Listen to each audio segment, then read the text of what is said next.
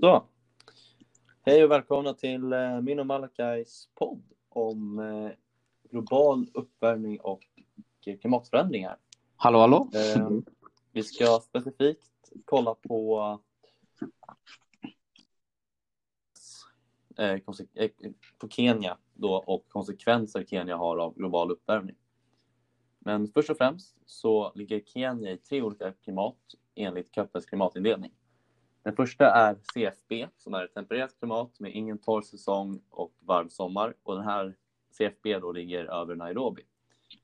Eh, BWH är ett annat som är ett ökenklimat som är lite varmare och till stor del eh, är, den är till stor del av övre Kenya, specifikt nordvästra och nordöstra.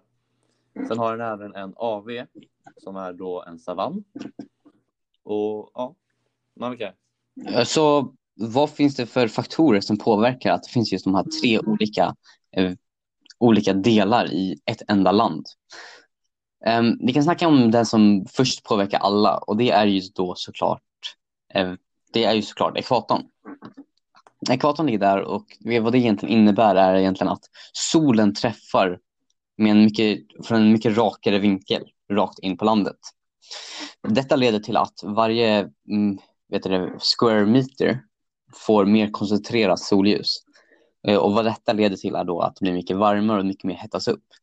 Detta är till stor skillnad till med oss i Sverige som ligger mycket högre upp på jordklotet.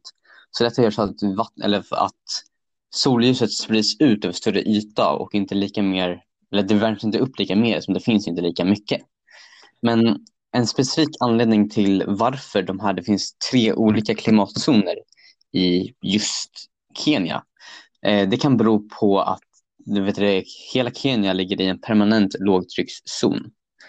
Um, vad detta innebär är att molnen formas precis vid havet bredvid. Um, och alltså vattnet evaporeras på grund av ekvatorn och då ta, kommer in i form av moln.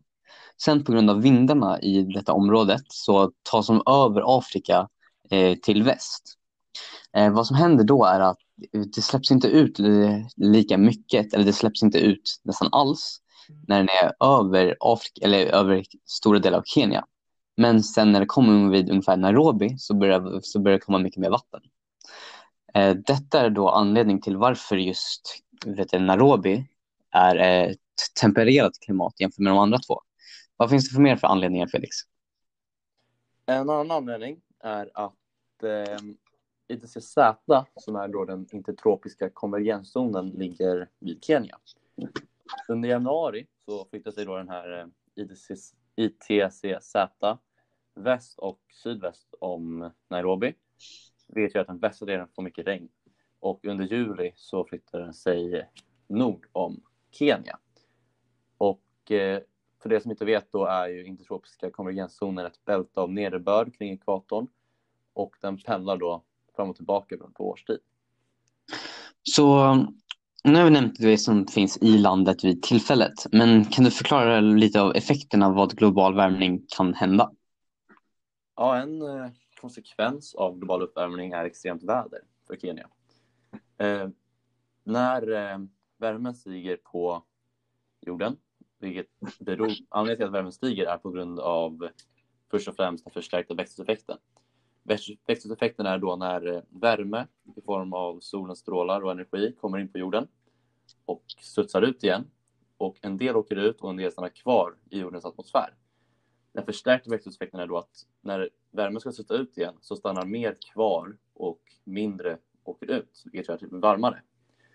Eh, sen är det också på grund av en minskad albedoeffekt. Och en albedoeffekten är att när eh, värmen kommer in på jorden så studsar den mot ljusa föremål, till exempel is. Och, Solstrålarna. Eh, ja, solstrålarna studsar mot där. Och eh, då när eh, isen smälter, på grund först och främst det blir varmt av den förstärkta växthuseffekten, så kommer det bli en minskad albedoeffekt när eh, det blir mindre is. Och eftersom att hav och vatten då inte reflekterar solljus utan absorberar det, blir havet varmare, vilket gör att mer is kommer smälta. Och då det här leder då till kraftigare nederbörd och oftare nederbörd på grund av att mer vatten kommer att, eh, när det blir varmare, avdunsta och vilket gör att det blir mer moln, vilket gör att när det senare regnar blir det kraftigare och oftare nederbörder när det kondenserar. En annan, en annan effekt av det du sa lite tidigare med att mycket mer is kommer smälta är ju att havsnivån kommer stiga. Vad detta leder till är att, eller detta kan man mer snacka specifikt, är att det här havsvattnet, saltvattnet, kommer ta sig in längre in, in mot landet. Eh, Afrika och specifikt Kenya har ett väldigt stort problem med drickbart vatten just nu. Och detta kommer antagligen bara förvärras eftersom att det här äh, salt, saltvattnet kommer då blandas med det sötvatten som finns längre in på land. Eh, detta kommer då effektera både djur i området samt människor. Och detta kommer bara leda till en större, av en värre effekt av vad det redan har idag. Yes, en eh, annan konsekvens av global uppvärmning och det vi sagt tidigare nu är ju mest negativa konsekvenser, men en positiv konsekvens är att det blir minskad frost i högre områden. Eh, tror det eller ej, även om Kenya ligger i Afrika och det är extremt varmt så på högre områden på berg till exempel så finns det frost. Och den här kommer då minska när det blir varmare, vilket leder till att det blir längre växtperioder för ja, växter. Så. Eh, vad finns det då för, om vi kollar ekonomiskt Malakai, vad kan det finnas för problem med kraftigare och oftare nederbörd? Nej, förlåt. Um, om det är mer kraftigare och mer, eller, mer varierad nederbörd är då att det kommer vara mycket svårare för bönderna i landet att planera och plantera. Alltså, mycket mer av deras växter kommer förstöras och det kommer vara mycket svårare att plantera. Um, eftersom att det blir mycket varmare under de här perioderna, på grund av det du sa lite tidigare, kommer det vara att mycket av marken kommer förlora all sin när, eh, näring. Eh, vilket leder till att det kommer nästan vara omöjligt att plantera i fortsättningen, i, i framtiden. Detta leder då till, såklart till ekonomiskt sagt som eftersom att mindre plantering, mindre marknad, mindre pengar för folket. Så vad finns för anledningar, andra anledningar Felix? Eh, en annan eh, annat problem med eh, då kraftigare och nederbörd är att eh, 50 procent av all elektricitet i Kenya kommer från vattenpumpar och under då torrare perioder kommer, eller går, går det ner cirka 40 procent. Och det kommer gå ner ännu mer efter klimatförändringarna och många pumpar då förstörs även av havsnivån. Och det ökar ju till, eller när havsnivån ökar så förstörs mer pumpar vilket leder till ännu mindre elektricitet, till, eh, för befolkningen. För det blir både torrt och vattennivån stiger. Vilket är ett stort problem då de får mindre elektricitet. Eh, just den här delen av informationen fick vi från en källa som heter climatelinks.org, eh, vilket specialiserar sig i just klimatförändringar. Men tillbaka till det som vi sa tidigare, eller som vi höll på med, är att till det som vi tog upp tidigare är att om havsnivån stiger kommer då att vet du, havskusten kommer flytta sig längre upp. Vi kollade på Google Maps då precis vid, vid sidan och vi kunde se väldigt tydliga spår av vad som kommer hända. Först, av allt, först och främst, mycket av infrastrukturen kommer förstöras eftersom att vatten kommer ta sig upp och förstöras. Men det som är värst av allt är att en grej, eller en hamn som ligger där som kallas Kilidini Harbor ligger precis där. Det är, någon, det är den största, sen kollade vi in det här lite mer och då fick vi reda på att det här är den största hamnen i hela eh, östra delen av Afrika. Eh, anledningen varför den är just så populär är då att, mycket, eller att det är extremt djupt vid kusten.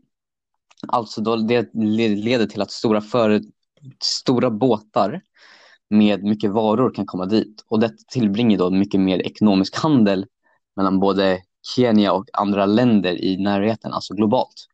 Eh, det, som, det som kan hända då om havsnivån stiger är att, eh, vet du, att kusten kommer flytta sig längre inåt. Och detta kanske låter bra som att det betyder att havsnivån stiger och det blir bara djupare och djupare. Men detta är inte sant. Eftersom att om kusten flyttar sig inåt kommer det betyda att de här båtarna också kommer behöva flytta sig inåt. Och detta kommer då leda till att det, här, det finns en risk att en handel förstörs, eller, eller i alla fall på den nivån den är på nu, eftersom det kommer vara mycket svårare för de här stora företagen att ta sig dit. Detta påverkar inte bara Kenya utan hela Afrika som stort eftersom att den stora handeln. Och i, och med att det påverkar hela Kenya kommer det också påverka andra länder hela, globalt. Alla i närheten som chippar grejer dit. Yes. yes. Ett eh, annat då ekonomiskt problem är inom turismen. Eh, hela Afrika och även då Kenya är extremt beroende av turism och Kenya är beroende av sin turism på grund av sitt, på grund av sitt djurliv. Precis vid kusten så finns det mycket korallrev där det bor det extremt stor mång biologisk mångfald och mycket olika djurarter som då många gillar att åka och kolla på. Eh, och de här korallreven förstörs lätt av temperatur, temperaturskillnader vilket leder till en mindre biologisk mångfald då många djur och växter kommer dö ut. Eh, och detta leder också till att turismen minskar vilket leder till att mer personer förlorar sina jobb då mindre personer reser dit. Och eh, detta påverkar då hela och även handeln. Nej, eftersom att, jag vill ta den Malakai. Eh, handeln?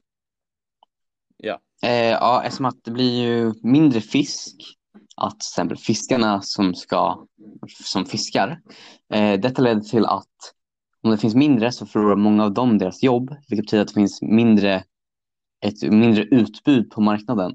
Men efterfrågan kommer ju vara lika stor från folket. Um, detta kommer ju leda till att, att och det, man, kan inte bara, man kan inte bara hitta på mat, man kan inte bara hitta det ute i ingenstans. Så detta kommer leda till antagligen stora leder av svältningar som är redan ett stort problem i just Kenya. Ehm, men en antagligen ännu grövre aspekt av det här är eh, sjukdomar. Afrika har redan idag ett stort problem med malaria och andra sjukdomar som sprids väldigt snabbt. Um, det, vi kollade in i det här lite extra och då såg vi att malaria, eller vi kollade specifikt på malaria, vilket är en av de största och värsta sjukdomarna i Kenya just nu, att den sprids mycket bättre under blötare och varmare klimat. Um, detta kommer bara bli värre och värre med åren och vi kan nästan antar redan nu att det bara kommer bli värre och värre mm, vid 2050. Och detta är inte en grej vi kan se fram emot, men det är en grej vi kanske kan försöka motverka. Så Felix, hur kan vi försöka motverka det här i Kenya? Eller hur, hur, hur, vad, tror, vad tycker du Kenya borde göra för att motverka detta? Eh, jo, lösningar på de här problemen vi har, eller Kenya har, är eh, den mest självklara och mest en av de viktigare är eh, att man tidigare varnar för temperaturskillnader. Och det vi menar med det är att man utbildar då Kenyas befolkning, men även äh, hela befolkningen, specifikt de unga, för att skapa ett större intresse och eh, att man berättar om det här så att fler vet om det. Och detta är ju rätt att säga, att ja, utbilda mer personer, men det är inte lika rätt i praktiken. Så ett, ehm, ett sätt man kan göra det här på är att vi i västvärlden ger eh, bidrag och ger dem till exempel pengar, men även, eh, vet det, även till exempel lärare och möjlighet till utbildning för att eh, fler personer ska kunna veta om det här och hur vi kan, hur vi kan jobba med det för att göra det bättre. Och även att, vet du, att ehm, så att lite senare när fler personer blir utbildade inom det här kan fler personer jobba på problemen vi har. Så att inte bara till exempel västvärlden jobbar på att lösa klimatfrågorna utan även hela världen då, som till exempel Afrika också så det är en global, att vi globalt jobbar på att lösa problemen. Detta kanske låter osannolikt nästan, att ett land ska bara hjälpa ett annat land utan någon ekonomisk vinst. Men detta är varför just detta är en så bra lösning. Om vi kollar på det idag, Kina har investerat väldigt mycket i afrikanska fabriker och detta leder då till en bättre ekonomisk vinst för hela Kina, eller som hela, hela Afrika as a whole. Men varför, varför just Kina gör det här kan jag inte förklara specifikt. Men det vi vet idag är att om vi investerar i dem och de får en bättre ekonomisk grund leder till att de får en större köpkraft. Detta leder då till att vi kan, eller vi kan ha mer internationell handel. Eh, och detta har bevisats i många, många fall runt jorden att, att, att ha en stabil internationell handel med ett land är positivt för, för båda av länderna. Så detta är nästan en investering för oss också att lägga in i ett land som detta och försöka få dem ur då poverty och sen, men ändå sen hjälpa dem samtidigt. Men vi får ändå ekonomisk vinst på det. Men vad annars kan vi göra Felix? Eh, förutom det här kan vi använda oss av eh, GMO-grödor, vilket är genmodifierade organismer som då tillverkas i labb. Men de här organismerna kan då, grödorna kan klara av klimatförändringar och till exempel då värmeböljor eller extremt väder, äh, extremt väder som värme, värmeböljor eller eh, kraftigt, eh, kraftig nederbörd. Eh, och när de här grödorna då klarar av klimatförändringarna blir det även mindre svält, vilket kommer att vara ett stort problem för befolkningen som vi tog upp tidigare med eh, fiskhandel. Det som är väldigt dystert när man tänker på det här är att de som kommer antagligen bli påverkade hårdast är just bönderna nästan, eller, och den fattiga delen av befolkningen. Så för att nästan motverka det här redan nu skulle den afrikanska staten kunna specialisera sig och nästan Eh, kolla in mycket mer på att försöka fixa löneskillnaden i landet. För det finns just nu i landet finns väldigt stora löneskillnader. Så om de skulle fixa det här till framtiden skulle det betyda att de här fattigare delen av befolkningen får en mycket mer stabil grund att stå på inför dessa svåra konsekvenser av det som kommer hända. Yes. Eh, ett sätt då att fixa löneskillnaderna är då att eh, skapa större odlingsmarker. Det är inte bara bra för mer jobb eftersom det även skapar mer mat. Och det blir då mer jobb på större odlingsmarker för det krävs mer arbetskraft för att ta hand om alla grödor. Och med detta sagt tror jag nästan vi har fått igenom allt. Så ja. jag skulle gärna vilja tacka för oss. Jag med. Och tack och hej. Tack och hej.